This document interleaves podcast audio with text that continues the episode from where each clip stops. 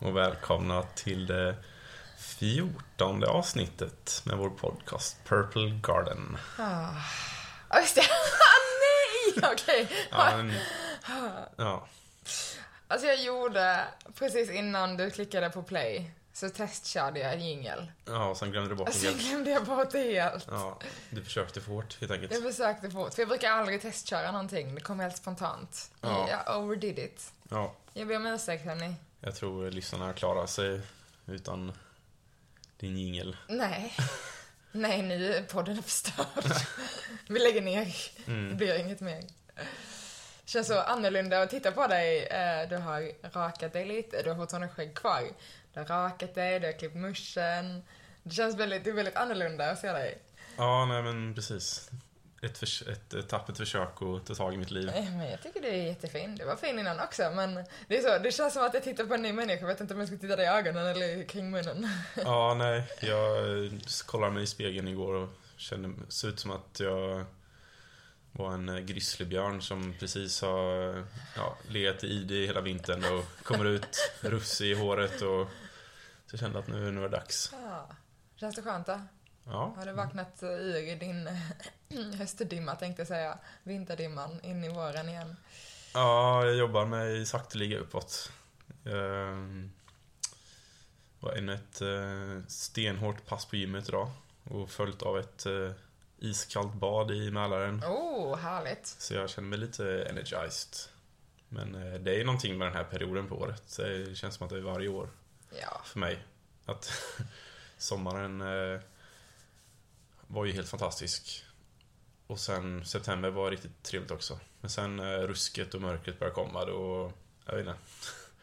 Då går man ner i, ner i tempo. Ja, Går in i, går in i mig själv. mm, ja, det gör du verkligen.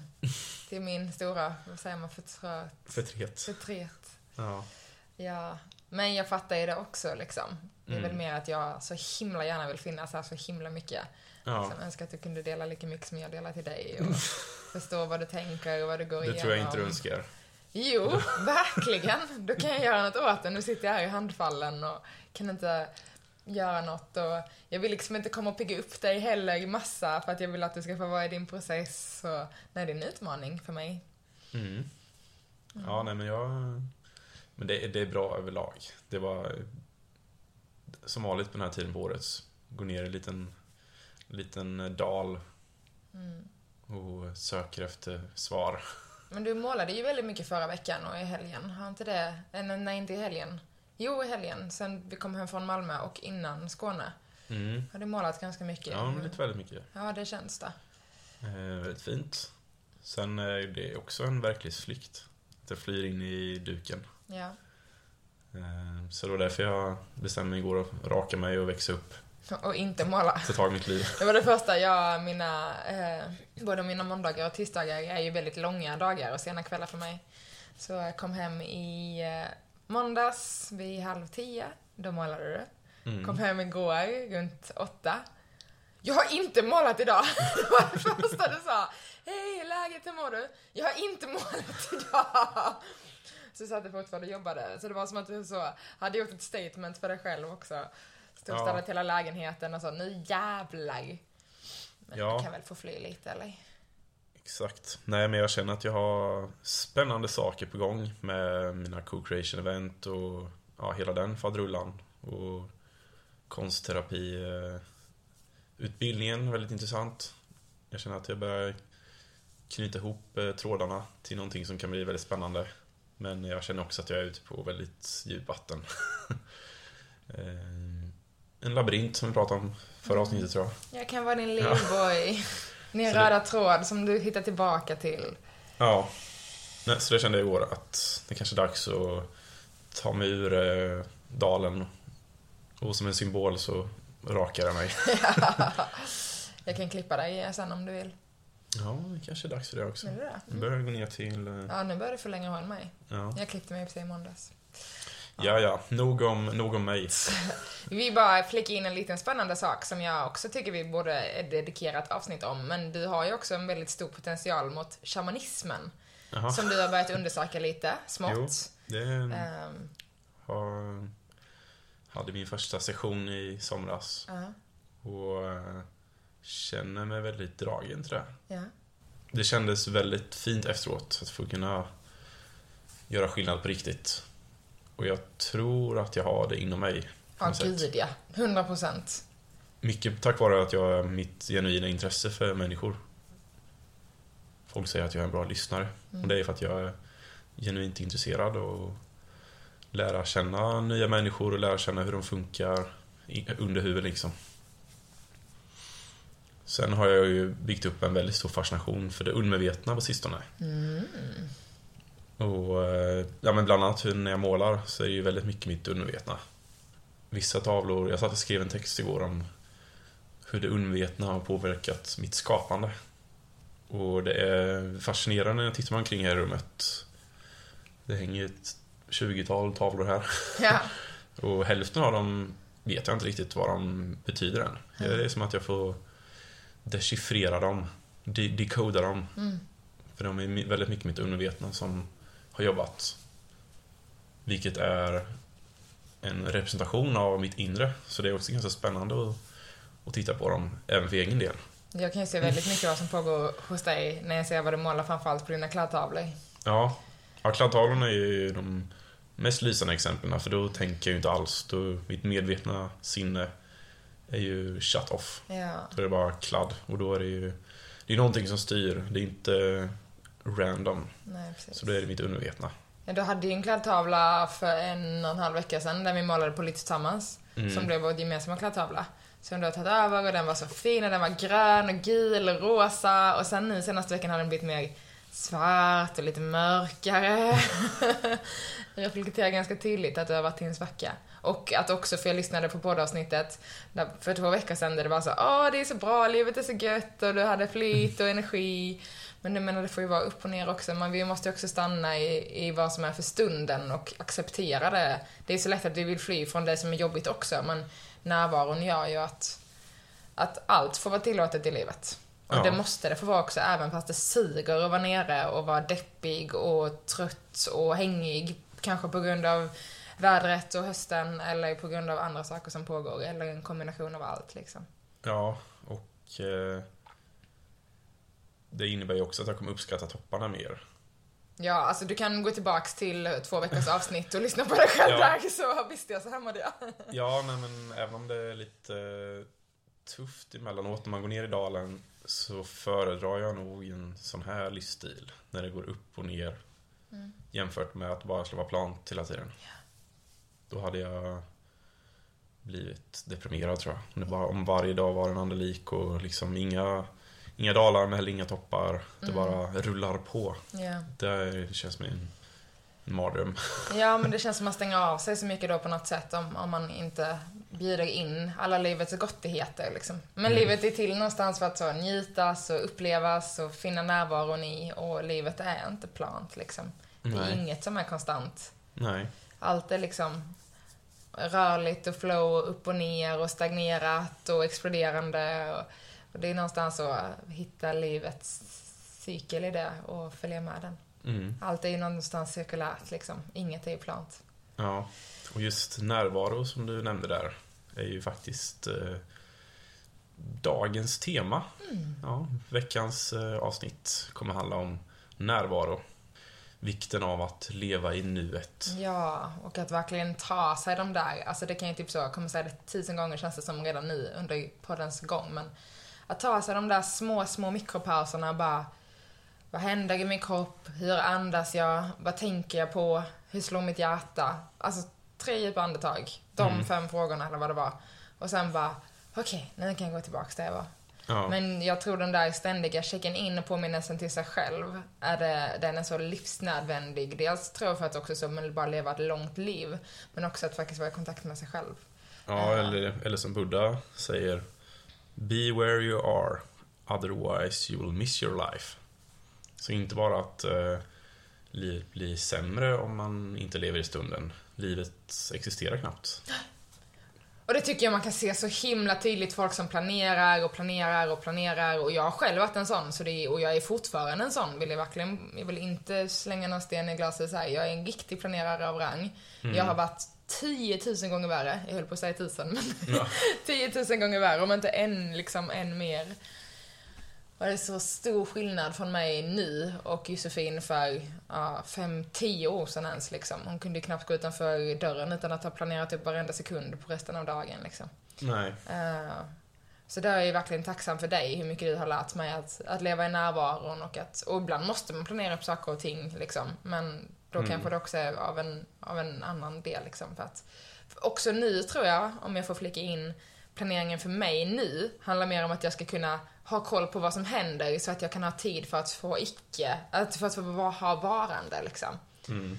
Så att om Ja, jag men du vill ha kontroll ju. Det, Ja, kontrollen styr det. byggd och skapad. Ja, men jag vill också nu, vet jag att så, okej, men nu är det jättemycket planerat. Då måste jag också planera in egen tid, eller tid för inte någonting alls liksom. Mm. Jag tror också därför det blir viktigt för mig med planerandet, för helt plötsligt kommer något kul där, och så kommer något kul där, och så kommer något kul där. Och sen så är jag helt utdränerad för att min sociala energi funkar inte så liksom. Ja. Eh, Så då är det så, men om jag vet saker jag ska göra så kan jag veta att jag kan säga nej till den här grejen. För att jag kommer behöva eh, min egna tid då, för att de här andra sakerna händer efteråt liksom. Var som när du kom hem förut från yoga, när du har haft yogapass.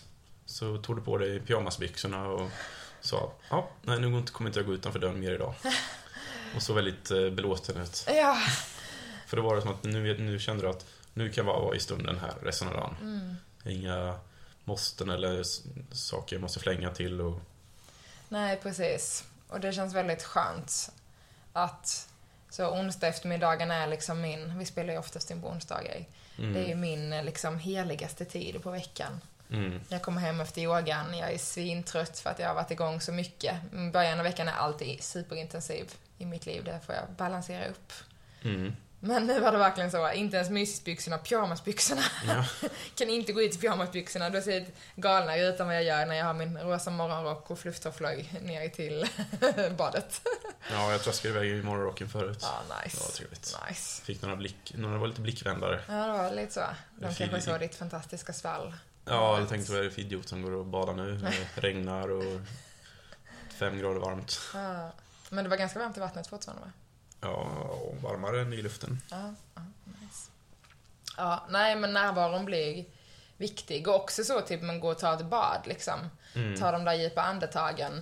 Det är ju så, vi kan inte vara någon annanstans än närvarande när vi får den där starka kontrasten av att kyla ner kroppen liksom. Ja, nej, men det kände jag när jag låg där i plaskade. Mm. Att, eh, eller plaskade, jag och flöt. Nej, gjorde du det? Ja, men försökte Ja. bara njuta av eh, sensationerna i kroppen. Mm, Jag har ju fått lära mig av det och leva mer i kroppen. Så det testade jag på. glädjer mig att höra. Det är en väldigt speciell eh, känsla. Det är, det är som en raket av energier som flyger omkring. Man känner det som ett, som ett tåg inom en som Oj. far fram. Spännande. Och eh, så blir man ju dessutom varm. Kroppen börjar jobba för fullt för att kompensera för kylan. Ja, verkligen. Den gör allt liksom. Och det är där det är så, det, det blir ju kallt, men vi kan ju också uppleva det som en kontrast och känna vad som händer i kroppen. Mm. Och jag tycker det är så himla spännande just med, med meditation på så många olika sätt och vis. För att eh, kallbad är också en typ av meditation. Alltså det tar oss 100% till närvaron. Och vi måste fokusera på vår andning för att annars börjar vi spänna oss och då kan vi inte hantera det. Men om vi väljer att ut, utsätta oss för det, väljer att stanna i närvaron av att känna det kalla och hitta vårt andetag och notera vad som händer i kroppen. Eh, och just att vara i allt det som är för stunden, det minskar ju liksom påtagligt stress. Det finns jättemycket forskning som visar på hur mycket det minskar stress. Och inte bara kopplat till kallbad, utan även bara att ta, ta pausen och landa in i stunden och känna. Men det är oftast Ja. lättare när vi får lite hjälp på traven, till exempel ett kallbad, en andningsövning. Många har ju svårt att bara sitta ner i meditation. Liksom. Det är ju det är jätteutmanande, även Mm. för mig som har gjort det väldigt mycket. Ja, jag eh, har ju också svårigheter att bara sätta mig ner och blicka rakt fram. Och, men då har jag ju mina metoder, exempelvis måla. Då, det är ju som meditation för mig. Jag är, då är jag ju 100% i nuet. Mm. Det finns ingen dåtid och framtid som existerar då. Eller eh, lägga mig på rygg och sätta på någon riktigt trevlig harmonisk låt och sen exempelvis fokusera bara på ett instrument. Ja, det är en kul grej. Ja, men det brukar funka ganska bra. Ja. Och på tal om kallbad så där fick jag ju lära mig i, i lumpen Mhm. hur eh, viktigt det var just att andas och vara närvarande. För när vi hade vårt så kallade baskerprov, när vi var ute tre dygn utan mat och sömn. Och ja, de körde skiten ur oss helt enkelt. Testade oss på många olika sätt. Då var en av grejerna att vi skulle hoppa ner i en sjö. Det här var ju i november så det var ju snorkallt. Och så var man tvungen att säga Kapten, Livdragon 426 Söderby anhåller om att få gå upp i vattnet. Och eh, mitt första försök när jag försökte formulera den meningen lät ungefär att- också så ren stress och panik. Ja, kroppen var i som chock liksom. Ja. Och då skrek kaptenen Andas Söderby! Ta ett djupt andetag! Och så gjorde jag det. Och då var det inga problem att säga den frasen. Mm. Du kom tillbaks till närvaron liksom. Ja. För också andningen styr ju så stor, alltså så andningen styr ju allt med vårt nervsystem. Eh, som jag säkert har nämnt tidigare har vi två delar av vårt nervsystem. Det parasympatiska, lugn och ro-systemet. Och vårt sympatiska, stress, eh, fight or flight eh, systemet. Och varje gång som vi andas ut så kopplas automatiskt vårt parasympatiska nervsystem på, vårt lugn och ro-system. Varje gång vi andas ut så kopplar vi på vårt lugn och ro-system. Varje gång vi andas in så kommer vårt eh, sympatiska stresssystem kopplas på. Och detta sker liksom ständigt, dag in och dag ut, varje andetag vi tar. Ju mer stressade vi är, ju mindre vi är i närvaron, desto ytligare andas vi. Vi andas inte så djupa, långa utandningar, utan andetaget stannar ungefär upp i bröstkorgen och så blir det lite mer... Och så pratar vi liksom på vårt utandetag, så vi får liksom inte ens andas ut någonting. Nej. Vilket gör att kroppen hamnar lättare i stress. Mm. Så bara att andas och bara det tar liksom hela kroppen, alltså den kroppsliga sensationen för nervsystemet tar också en tillbaks till närvaron genom bara att andas ordentligt. Ehm, vilket såklart kanske är lättare när vi hittar sittande meditation eller yoga. Eh, då jag hör väldigt ofta när du målar att du inte andas ibland för att du är så uppslukad i stunden.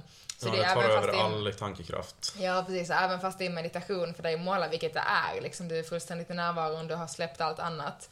Så det är så, kroppen kan fortfarande känna en stress i det eh, ibland. För att det blir liksom så, den kopplar av alla andra system. Men jag tror också det är något annat som sker när du målar, något på ett ännu djupare plan. Eh, som gör att du tappar andan liksom, eller glömmer bort att andas. Eller. Ja. Det är som att den stänger av någonting för att den är så himla kreativt uppslukad. Jag vet inte. Det finns ju två ja, men det är väl en saker som... kraft, en kraft inom mig som bara tar över allt medvetande. Ja, precis. Det finns ju två saker som alltid sker, oavsett, alltså som vi aldrig behöver tänka på. Och aldrig behöver styra. Det är att hjärtat ska slå. Och det är att vi andas. Och sen är ju andningen, jag har glömt exakt namnet, men andningen är ett sånt system där vi både kan styra det, vi kan ju styra vårt andetag, men det kommer alltid ske automatiskt. Ja, det är ju det undermedvetna. Alltså, Folk som blir hjärndöda exempelvis. Då är Ja. det den medvetna delen av sinnet som slutar fungera. Ja. Men eh, oftast så brukar den undermedvetna delen Ja men den är ju en trotjänare liksom. Den ser till att andningen och matsmältning och ja, alla så här inre kroppsliga funktioner funkar. Ja, exakt. Precis. Och eh, också just när vi är i närvaron och meditation av olika slag. Jag vill väl slå slag för att just det jag pratar om framåt nu, om någon minut, handlar ju om kanske mer sittande meditation och mer verkligen träna hjärnan på att trötta ut sitt monkey mind och sitt monkey talk. Men den Monkey typ... mind. Ja, monkey mind. Vi har apan som alltid pratar. Det kallas monkey mind. Mm. Ja, okej. Jag visste inte. Ja, Ja, jo, den är, finns ju där. den finns ju där. Eh, Så sittande meditation och bara sitta och observera tankarna, komma tillbaks till närvaron, observera, komma tillbaks, fly in i tankar, komma tillbaks. Den typen av meditation, som i princip är meditation, eh, allt, det finns meditation på många olika sätt, ut att springa, måla, yoga, men just den sittande typen av meditation och finna full närvaro, ehm, den gör att vi kan få ganska många positiva förändringar i hjärnan också. Alltså precis som vi tränar kroppen måste vi träna vår hjärna och detta är ett fint sätt att göra det på. Ehm, och då får vi en ökad densitet av den grå substansen eh, i, i de områdena i hjärnan som hjälper oss med både inlärning och minne. Eh, Så där får vi liksom en, en, en mycket större densitet i form av att vi får mycket mer synapser som jobbar eh, och kopplingar mellan olika delar av hjärnan eh, som hjälper oss med inlärning och minne som gör oss till superhumans. Så en krispighet kan man översätta det till kanske? Mm, verkligen, ja. Mm. Ja, det är fler eh, synapser som jobbar. Liksom Ja, men precis. högre produktivitet där uppe i, på hjärnkontoret. Ja, exakt. Och också så genom bara, jag tror också att bara kunna förstå, alltså lä- inlärning behöver inte heller vara så att jag ska lära mig något nytt. Utan det kan också bara handla om att så, men göra någonting och sen kunna känna att jag faktiskt blir bättre på det jag gör. Liksom känna en utveckling. Mm. Det är också en inlärning även fast vi vet vad vi håller på med liksom. Ja. Det har jag känt jättestarkt. Nu ska jag snart sluta prata och bjuda in ett nytt citat här. Mycket insikter när jag sitter här. Nej, men ös på bara. Ja, men det kan jag känna väldigt starkt, typ, alltså hur... Jag, jag har gjort väldigt mycket yoga under mina år. Ja, en annan, ett och annat pass. Ett och annat pass. Och nu kan jag till och med göra väldigt avancerade grejer som inte ens är jobbigt för mig. För att jag har tränat min kropp på det så pass mycket. Hjärnan vet precis vilka muskler som ska kopplas på, hur de ska kopplas på, hur jag ska kunna spara så mycket energi som möjligt för att ändå kunna komma i den här tuffa positionen, stanna i positionen och fortsätta andas. Och det är verkligen en träning för att hamna där. Ja, nej, då är det, det är liksom ditt medvetna sinne som har eh, registrerat den här informationen in i det undermedvetna. Precis. Och när det väl finns i det undermedvetna, då, då är det där liksom. Ja, exakt. Så, och jag kan fortfarande vara full närvaro i det liksom. Det är Mm. ganska spännande och häftigt. Jag ska prata mer om yoga sen och hur yoga hjälper oss i närvaron. Men har du något till eh, juicy citat som kanske kopplas något fint till, till det här? Ja, eh, vi har, jag har lämnat de gamla, våra gamla husfilosofer det här idag faktiskt. Jaha. Bjudit in lite, lite an, andra tänkare. Jag ser att det är många av mina filosofer Ja. Jag kände att det här är lite ditt avsnitt. Du gillar ju att prata om närvaro. Ja. Så då, då letade jag i det mer spirituella skrået. Mm. Och vi plockar fram, eh, till att börja med, Eckhart Tolle. Jag vet inte om man uttalar det. Eckart Tolle. Eckhart Tolle. ja. Säger man på svenska? Jag vet faktiskt inte hur han uttalar det på engelska. Ja, men det är en författare och föreläsare inom, inom spirituella världen. Ja. Jag vet faktiskt inte exakt vad han har gjort. Men väldigt stor ganska tidigt och det var just det här, han har skrivit en bok som heter The Power of Now. Eh, Ja. Som är, Så han vet vad... han vet vad han snackar om. Och den, den kom ganska tidigt, vad kan det vara, 80-90-talet. Och gjorde en väldigt stor förändring eh, inom det andliga och spirituella communityt och även nådde ut mycket mot företag och sånt. Så man kan väl säga att han, han lever ju fortfarande. Så han har Ja. en... ehm, eh, Ja, han var i, i Stockholm, eller ska till Stockholm snart. ja, han var i. Stockholm för någon månad sedan. Mm. Ja. Och höll en stor, Watergate, eh, Ja. på Watergate föreläsning. Nej, det hade varit kul att se. Sen, eh, ja nej, men han är väl en stor, alltså både filosof och andlig tänkare på olika sätt och vis liksom. Ja, nej, men jag- jag nystade lite i just filosofin kring närvaro och leva i nuet och då dök hans namn upp hela tiden. Så tänkte jag, då, han får vara med. Har han sagt något bra den här snubben? Ja, nej, han har sagt fantastiskt mycket bra. Ja, jag har faktiskt tagit med två citat från honom. Ganska långa, det är en eh, pratsalig herre det här. Eh, Men vi kan börja med det första. När han pratar om tid. Tid är inte alls dyrbar. För det är en illusion. Det du uppfattar som värdefullt är inte tid, utan den enda punkten som är otidsenlig. Det vill säga nuet. Det är verkligen värdefullt. Ju mer du fokuserar på tid, dåtid och framtid, desto mer saknar du nuet. Det mest värdefulla som finns. Mm. Ja, det ligger så mycket i det. Alltså att det är så, men återigen, vi är inne i planeringar, vi tänker framåt, men det är så, men om vi missar, men lite som med Buddhas citat, men vi måste ju leva här och nu för att kunna leva vårt liv. Mm. Och då kvittar det vad tiden gör för tid. För det är också så, nu, det är alltid tråkigt att prata om döden, men jag tycker att vi borde prata mer om döden i livet. Ja, Men det är som att så, åh, jag vill bli så gammal och jag vill leva så länge, men egentligen ja där, handlar tänker, det där väl... tänker jag lite tvärtom. Exempelvis när man... Eh, vad ska man ta för exempel? Man har... Avsluta. Ja, förlåt. Förlåt, fortsätt. Jag tänkte säga, alltså det kvittar väl hur gamla vi är om vi inte har njutit av de tidsenligheterna vi har levt, alltså att vara i nuet. Mm. Men det kanske skulle säga något annat. Jag ville bara säga att det behöver kanske inte handla om hur gamla vi blir, det kanske handlar om hur mycket vi faktiskt upplever i vårt liv. Exakt, och det var det jag ville komma till. Jag gissade på det, det var därför Ja. jag bara... Ibland så får man ju höra om man eh, kanske har en, eh, en öl i handen. Så säger någon Ja, det är inte bra. Du kommer, du kommer förlora flera år av livet liksom om du fortsätter med det där. Det var bara ett exempel. Ja, ja, ja. Överlag så jag ät inga onyttiga saker, drick ingen... Hand om hälsan. Ja, precis. För du kommer förlora flera år av livet om du fortsätter. Men då är det ju så här att eh, det är de sista... Oj, gjorde du en mansplain där? Det är ju... Säg det en gång till, det var underbart. Men då är det ju så här. Att eh, det är ju de sista åren man förlorar. Och hur kul är de sista åren av livet? Fan, jag har aldrig tänkt på det på det sättet. Nej, men det, Fast jag tänker att livet blir bara bättre och bättre ju äldre man blir. ja, men när du ligger där på Nej, dödsbädden. men jag kommer aldrig ligga där på dödsbädden, Erik. Nej, kanske inte du, men... Jag kommer typ kolla av i en shavasana på yogamattan och somna in för alltid. När jag är 153. Det skulle faktiskt kunna vara så. Ja. Men för oss eh, mer dödliga så brukar de sista fem åren inte vara särskilt roliga. Ja, nej, nej, nej, absolut. Jag köper det 100%. Mm. Nej, men det ligger mycket i det liksom att... Uh, nu tänkte jag säga något väldigt oetiskt kanske, så jag säger det bara för att det är kul. Men då tänker man typ så, men alla som verkligen är som en typ heroinmissbrukare, alltså de lever sina bästa liv, även fast Ja. det är kort. De så bara, fan vad nice, jag får möta de sjukaste upplevelserna på mitt korta, korta liv liksom. Sen är väl problemet med droger att, eh, att de har en jävla baksida i form av ångest och kroppen är förstörd och... Ja, men tricket är väl att aldrig bli nykter då. Ja, exakt. Ständigt Precis. fylla på.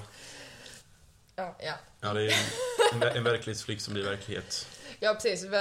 Då får man väl också säga det, det är viktigt att njuta av livet, ta en öl eller några stycken, ta ett glas vin eller några flaskor till och från, äta sitt godis, sina chips, njuta av sin pasta med gräddig sås och ost och göra det som man tycker är närvarande och njutbart. Ja, och liksom. samtidigt gör man det för ofta så kommer man ju inte njuta av det. Nej, exakt. Och det är ju kom- bara bränsle. Ja, precis. Och då blir det så. Då blir det fel där. Men jag tror att, att oavsett om det är något som förkortar livet, men om vi kan vara i närvaron och njuta av stunden. Om jag går ut och tar en öl eller några stycken med mina kompisar och jag har en superunderbar kväll och att jag faktiskt är i närvaron istället för att sitta och scrolla på min telefon när jag är med dem.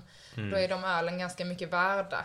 Liksom. Ja. För också ett gott grattfeeling i livet. Ja, nej, men som han säger, den gode Eckard. Mm. Att tiden är ju bara en illusion. ja. Så länge man är i nuet så existerar inte tid. Nej, precis. Sen är det tråkigt om man kanske typ dricker för att eh, dämpa sin ångest. Eller, alltså, då börjar Ja, det då, är bli något annat något, liksom. då är vi nog inne på något helt annat Ja. eh, spår här. Så det är inte den typen av öl vi pratar om. Vi pratar om den där njutfulla som kan ske i form av njutning eller sällskap. Och jag kan verkligen så vara, typ nu du ska iväg i helgen och jag bara så, åh jag ska ta ett glas rött vin på fredag och bara sitta för mig själv och njuta av det här vinet och äta lite choklad. Och det är också njutning för att jag kommer vara närvarande i stunden. Och det betyder inte att det är sorgligt för att jag sitter och dricker ett glas vin själv. Eller Mm. är det det? Eller är det det? Döma inte. ja. Ja. Nej, men tid. Vi får liksom inte glömma bort att tiden är verkligen bara en illusion. Liksom. Det är vad vi skapar med den tiden som blir viktigt. Mm. Och jag tror ju mer vi kan vara i närvaron, desto mindre oro får vi också in i livet. Alltså vi är ju inte oroliga för närvaron. Liksom. Vi går ju inte, typ, vi går inte med ett paraply när det är sol. För att vi inte är oroliga för framtiden, utan vi är i solen i närvaron. Mm. Jag tror det är ganska viktigt. Ja, och som en, eh, som en musiker eller liksom ett band som uppträder på scen. Det är inte så att de, när de är inne mitt i ett riff där, att de eh, längtar tills de är klara. Liksom att målet är att slutföra låten. Utan resan är ju målet liksom för dem. De illustrerar det väldigt bra. De njuter verkligen där. Sen, eh, ja, nästa låt är ju ett annat problem liksom. Men just, de är bara här nu. Det är som Alan Watts har en jättefin, jag såg att du hade hans namn där också, det är en av mina absoluta husgudar, personlig favorit. Men han har ju en jättefin, eh, vad ska man säga, föreläsning är det ju, en, ett tak som heter Life is not a journey. Life is not a journey. Nej, vänta. Får jag ta och titta upp? Den här är så pass bra. Okej, vi gör såhär, jag, Vi kan ta en... Eh, vi tar väl vår lilla mentala bensträckare och flyter omkring. ja, låt Så oss kan vi kolla upp. Men jag kan, innan vi, går, innan vi släpper in Ja. eh, så kan jag ju ta Alan Watts citat här och det Ja. passar in här ganska bra och det är ganska kort. Ja, kör på. Att skynda på och försena något är likadana sätt att försöka undvika nuet. Mm. Och det, det, det kan jag verkligen hålla med om. Alltså om du sitter med någon uppgift eller du gör någonting och sen stressar igenom det. Då njuter du inte alls. Nej. Det är ungefär som att jag skulle bestämma att men jag ska måla en tavla på en timme nu. Och så stressa igenom det och sen så har jag inte njutit av processen. Nej. Eller om jag samtidigt som man säger försenar något, alltså skjuter upp något. Då eh, kommer det ligga och skvalpa där och så kommer jag gå och tänka på det tills jag gör det liksom. Mm. Och då är jag inte heller i nuet, då, då oroar jag mig bara. Verkligen. Och det ligger så mycket i det och verkligen, ja men så, hur sammankopplat stress är med allt det här liksom. Alltså, är vi i stunden, det, fin- alltså, det är så mycket också som minskar, alltså kemiskt i hjärnan, att vi minskar både stress och ångest när vi är i nuet. Mm. Så det kopplar ju jättemycket till det här och det finns väldigt mycket forskning som verkligen påvisar att är vi i nuet så kommer vår stress minska, kroppen kommer vara mer avslappnad och vi kommer minska både ångest och oro i, i kroppen och i sinnet. Mm. För att det finns inte plats för det liksom. Nej. Men om vi hela tiden ligger där och ja, men skjuter upp saker och ting eller tänker på att saker och ting är jobbigt och det är lätt för mig att sitta och säga här som inte går runt med ångest konstant, men jag har ju det till och från, absolut. Eh, men just att så våga, våga stanna upp och så, okej men vad är det som händer just nu då? Varför känner jag som jag känner? Och våga gå in och möta den ångesten i nuet, snarare än att tänka på att det är jobbigt att göra det som jag skulle göra. Mm. Det är ju något som har hjälpt mig otroligt mycket. Jag har haft ja, men, ångest och panikattacker till och från under de senaste åren. Mycket, mycket mindre nu. Det kan komma ibland. Men framförallt när vi drev bolaget.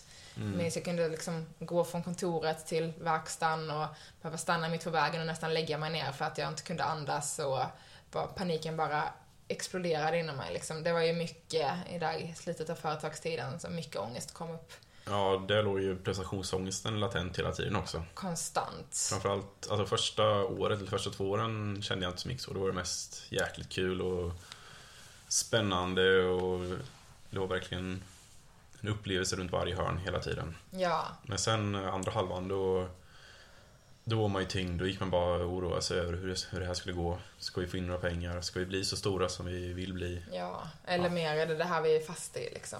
Ja, Eh, Ja, nej, men då hade jag alltså mitt, det är fortfarande mitt verktyg idag, men jag är alltid tillbaka till andningen liksom.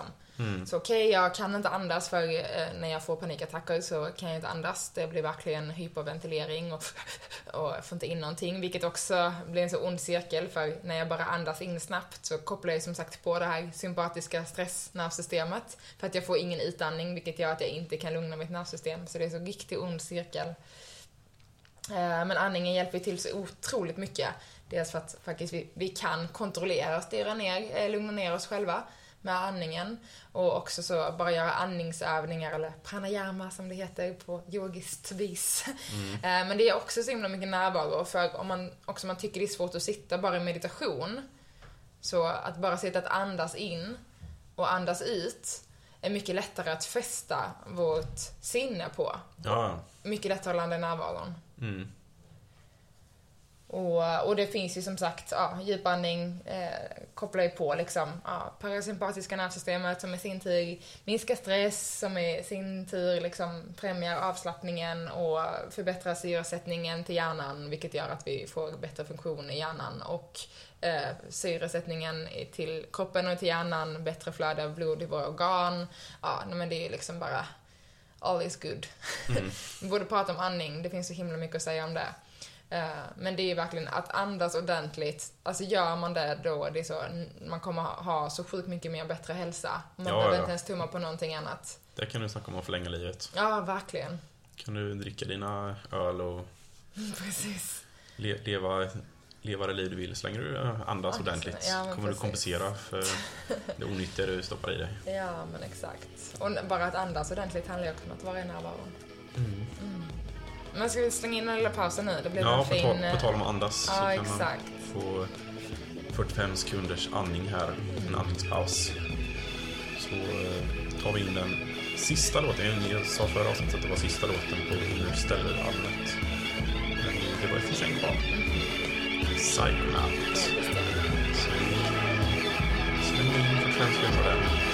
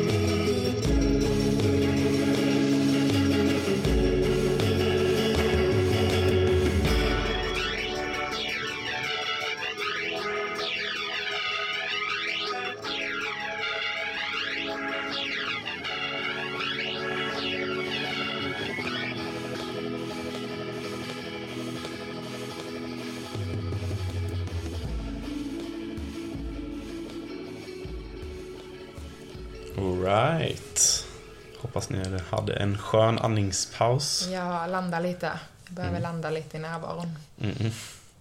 Mm. Ska vi eh, hoppa rakt in i Eckhard Tolles värld igen? Låt oss. Det här tycker jag är intressant. Och det här säger väldigt mycket om närvaro tycker jag. Alltså vikten av det. All negativitet orsakas av en ansamling av psykologisk tid och undvikande av nuet. Oro, ångest, spänning och stress. Alla former av rädsla orsakas av för mycket framtid och inte tillräckligt med närvaro. Skuld, ånger, förbittring, klagomål, sorg och bitterhet och alla former av icke-förlåtelse orsakas av för mycket förflutet och inte tillräckligt med närvaro. Och det tycker jag är så spot on. Det är, men det är exakt så jag känner också. Mm. när man är i det förflutna, då... Eh, visst att det finns positiva saker med det förflutna. Man kan hämta glädje och inspiration, fina minnen liksom, som eh, kan ge en energi.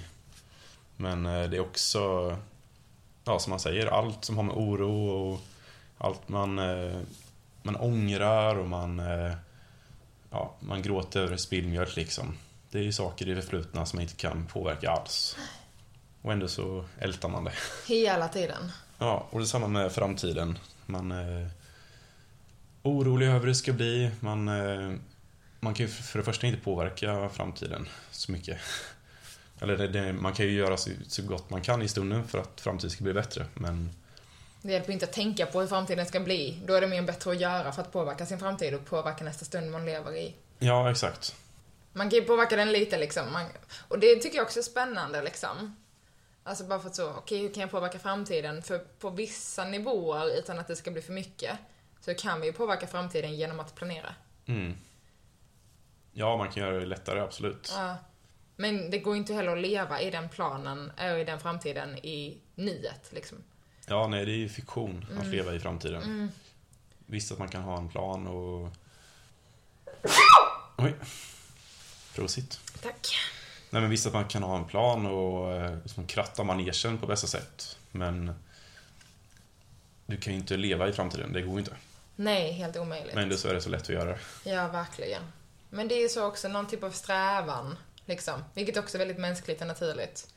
Vi kanske, eller vi kanske, ja men vi kanske bara ska flika in det här också med att så, det är inte lätt att leva i nuet. Nej. Eh, vi kan sitta här och prata om det och förespråka det, men det är jättesvårt. Ja, och det... vi båda är ju ganska, alltså, vi är ganska dåliga själva på det. Ja, verkligen jättedåliga. Alltså, tror inte att vi, heller att vi sitter här, utan vi går till liksom eh, vad filosoferna säger, vad faktan säger kring närvaron, eh, och sen så kanske vi lär oss någon liten läxa här.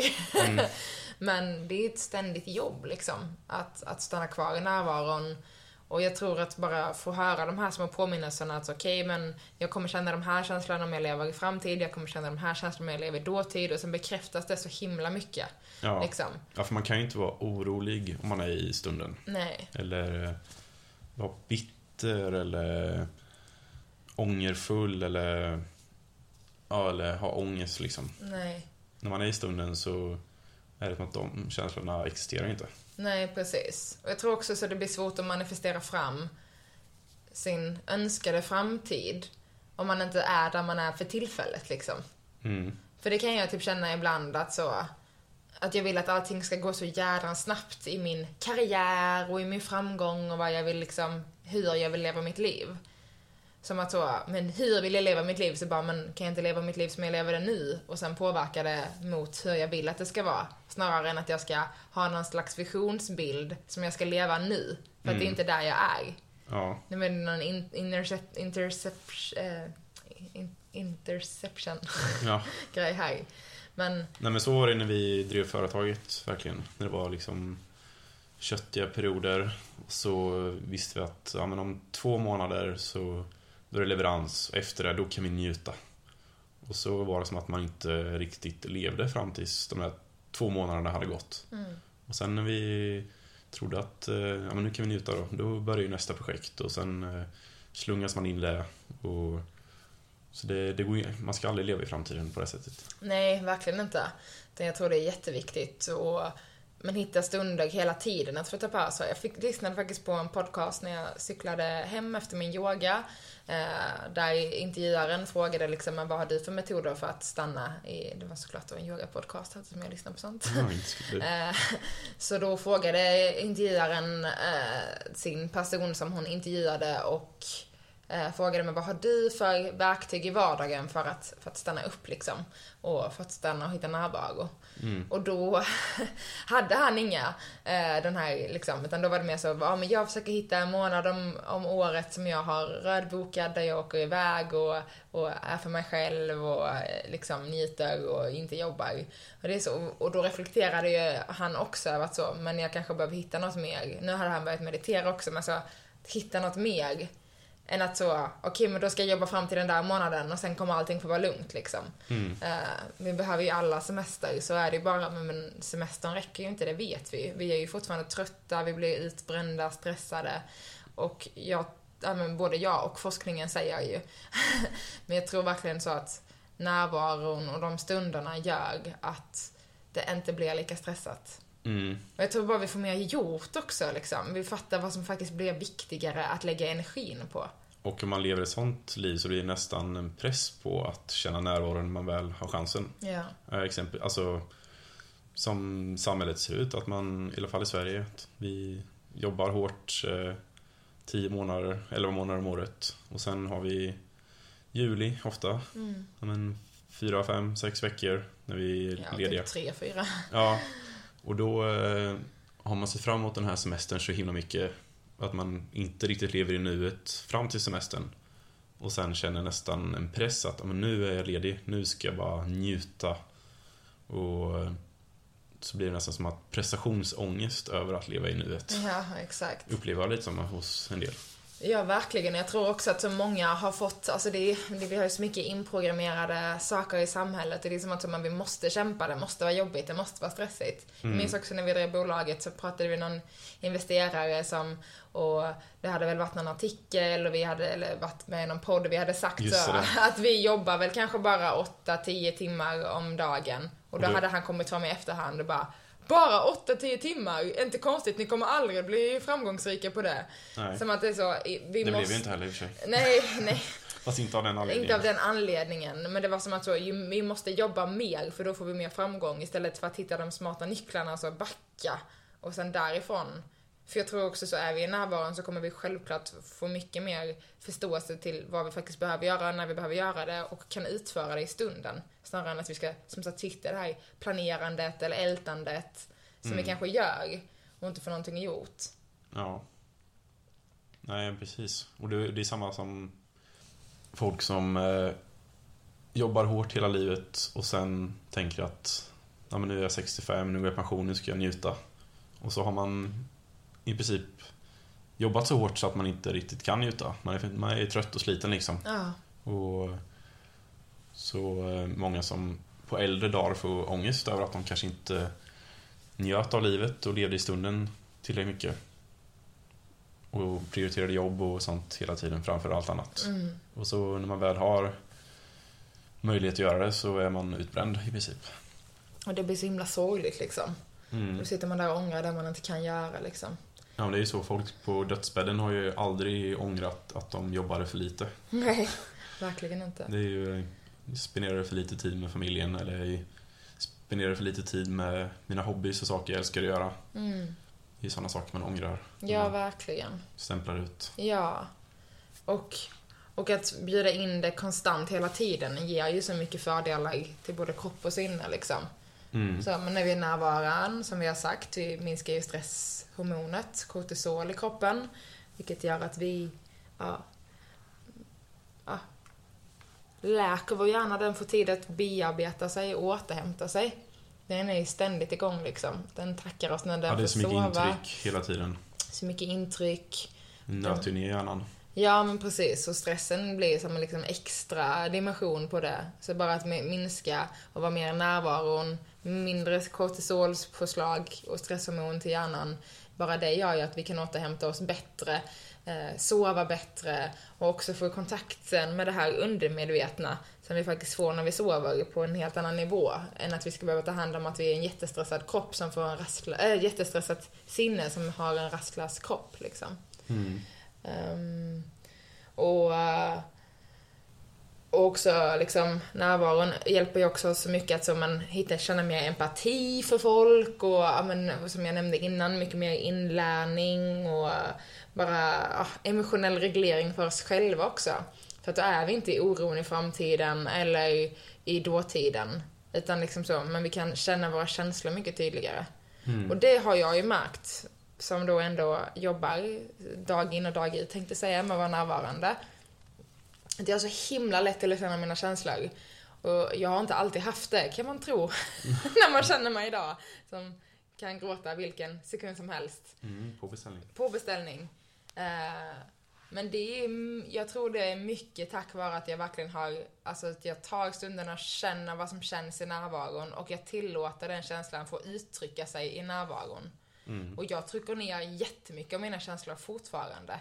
Men det är fortfarande många stunder som de får ta plats. För att det är så, okay, men jag känner det här nu, den känslan gör mig ledsen på något sätt och då blir mitt behov av att få släppa taget om den känslan genom att låta den få ta plats. Mm. Uh, och det är väldigt lätt, till exempel för mig i alla fall, med gråt. För det kan jag göra precis vad som helst. Det är svårare med ilska.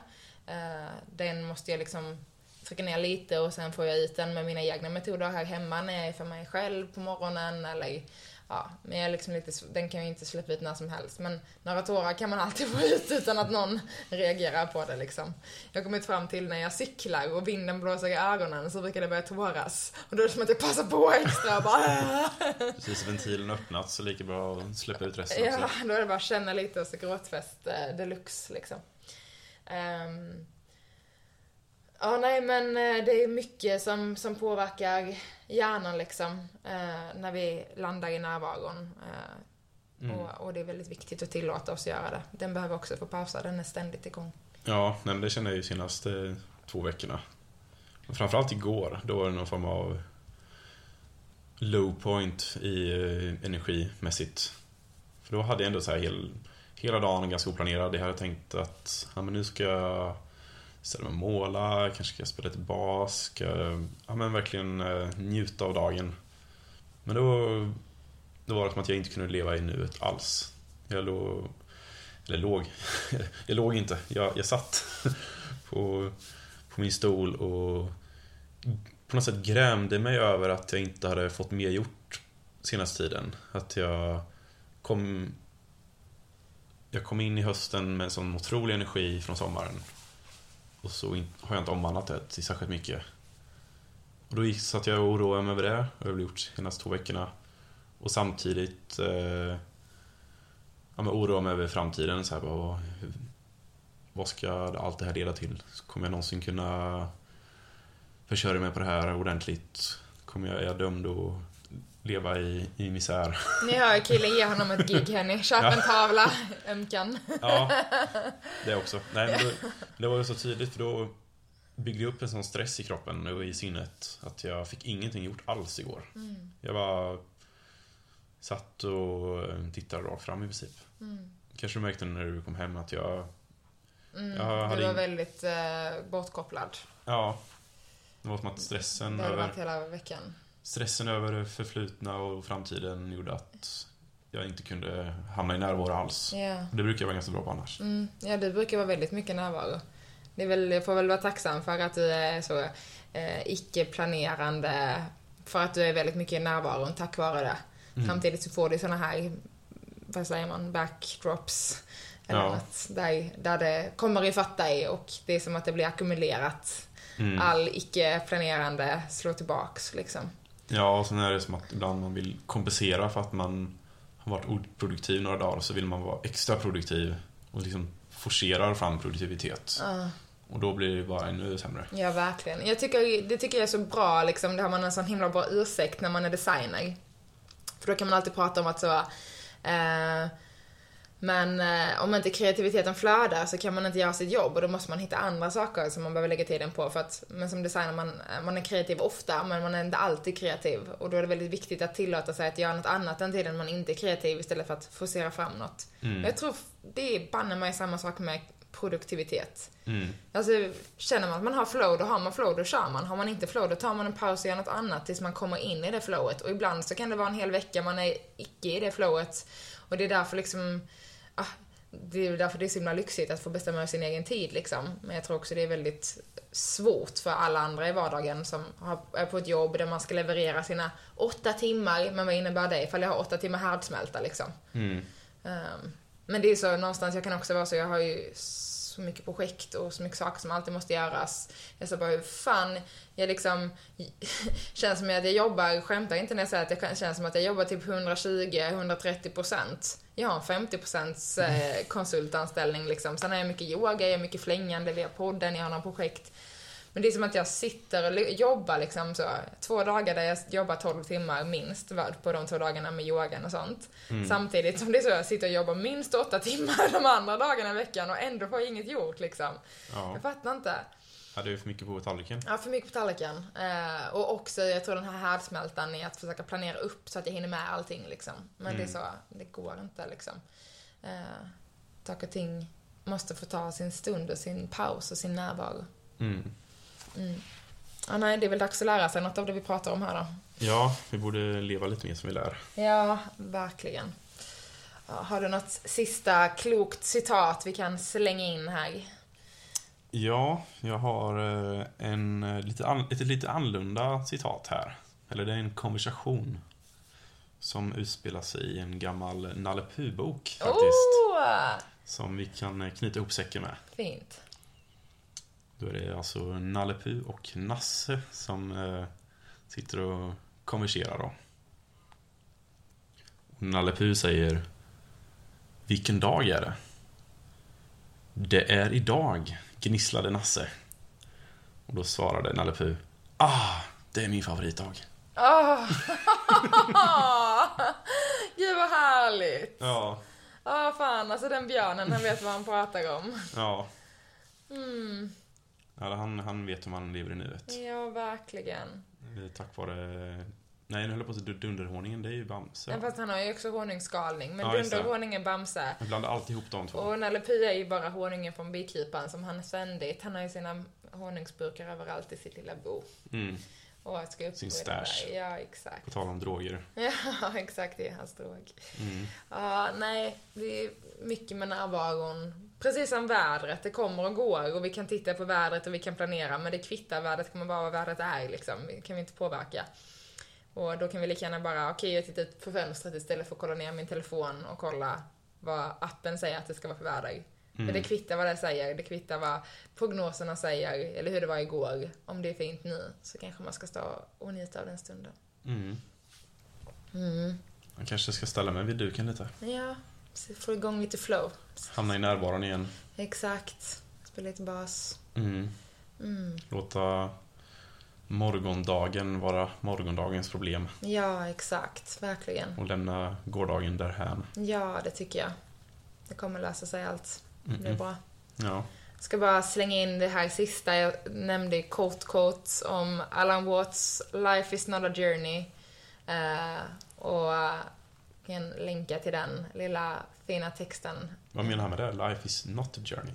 Ja, men att det är liksom så att det får bara flöda precis som det vill liksom. Ja, för mig är ju det en journey. Men det kanske är en, kanske mer i traditionell bemärkelse att en resa är ofta planerad och man har hållpunkter och... Ja, men precis. Han, han säger så fint i sitt citat att uh, when you're dancing, you don't aim at a particular spot in the room because you were because you were you will arrive. The whole point of the dancing is the dance. Så han mm. pratar mycket om det här, liksom, man, vi spelar inte för att spela vår slutton, precis som du nämnde, utan vi spelar för att spela hela, liksom... Um, Stycket. Ja, precis. Vi dansar inte för att vi ska komma till en viss punkt eh, på golvet i dansen, utan vi dansar för att få dansa. Mm. Så kanske inte så mycket kring närvaron, men kanske mer i att så... Ja, men att, att vår destination är där vi hamnar, inte där vi försöker planera oss att vara. Mm. Någonstans. Och att på så sätt är inte livet en resa, utan livet är liksom hela tiden. Ja.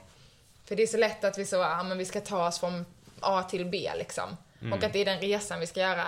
Men resan är varenda millisekund, varenda närvarostund på hela livet. Liksom. Ja, nej men det är precis som jag målar en tavla. Ja. Jag njuter av eh, varje ögonblick. Mm. Och det blir bara nya saker tillkommer, det blir mer spännande. Och när jag är klar med den, det är inte så att jag känner att ah, check, nu har jag gjort den här. Mm. Utan eh, det är ju sällan jag vet när den är klar heller. Ja, nej men precis, exakt. Nej men så är det verkligen och det är det som är så vackert med konst i alla typer av former. Eh, och också yoga tycker jag, att, så, speciellt kanske somatisk och fri yoga och fridans och målning och att det är så, men det finns inte, det behöver inte finnas något slut liksom, för det är inte vad vi strävar efter. Nej. Men en resa så strävar man ju efter att den resan ska ha ett slut. Mm. Jag skulle kunna läsa ett litet stycke till från den här eh, som då fortsätter från att det här med, med musiken, liksom. Att, eh, att vi eh, spelar musik för att njuta av musiken, inte för att komma till, till ändstycket. Då säger han så här kring Life is not a journey. Music differs from say travel. When you travel, you're trying to get somewhere. In music though, one doesn't make the end of the composition, but the point of the composition. If there were so, the best conductors would be the one who played the fastest, and there would be composers who only wrote finales. People would go to concert just to hear one crashing chord, because that's the end. Mm. Ja, det. Och sen tar han det här då med dansen, att men vi dansar ju för dansens skull, inte för att komma till en viss punkt i rummet. Nej. Ja, men det är jättefin, jag brukar lyssna på den här, eh, den här eh, ja, men det finns en föreläsning om den på, på Spotify som jag brukar lyssna på. Eh, ja, men ibland några gånger i veckan för att påminna mig om vad livet innebär att få levas liksom. Mm. Och jag har en hel lista med Alan Watts eh, citat. Ja, men han är, han är klok. Jag kommer på när vi var på Borderland i somras Ja. så hade ju någon monterat in en högtalare i bajamajorna Ja, så- och satte på Alan Watts på repeat. ja fantastiskt. Så det var varje gång man gick dit så fick man en eh, liten spirituell stund. Mm. Fina visdomsord från. Alan. Ja, underbart. Ja, men med dina visa slutord så kanske vi sätter P för idag. Ja, jag tänker det. Mm. Och ni kommer i kontakt med oss på Our Purple Garden på Instagram. Mm. Och om ni inte följer oss där, men ni lyssnar, så får ni jättegärna följa oss. Vi ska ta ett ryck, vi ska sätta igång och låta podden få växa lite mer. Så eh, om ni också tycker att vi gör ett bra jobb eh, och ni vill att vi, de här orden ska spridas till fler så får ni jätte, jättegärna ja, men, följa podden där du lyssnar, sätta fem stjärnor och kanske skriva en fin kommentar om det känns rätt för dig såklart. Men det skulle hjälpa oss otroligt mycket att få nå ut med de här visdomarna kring lycka till fler. Mm. Ja, Så det tackar jag för, kommer min sälj, säljljusan in här. Ja. Men eh, vi vill ju verkligen sprida det här för att vi tycker också det är så viktigt och vi har så mycket egna lärdomar kring det här som vi ständigt jobbar med dag in och dag ut. Och vi vill bara fortsätta sprida de här samtalen till andra och våra tankar och kanske få dig att, att göra någon förändring som är mer positiv för dig i ditt liv.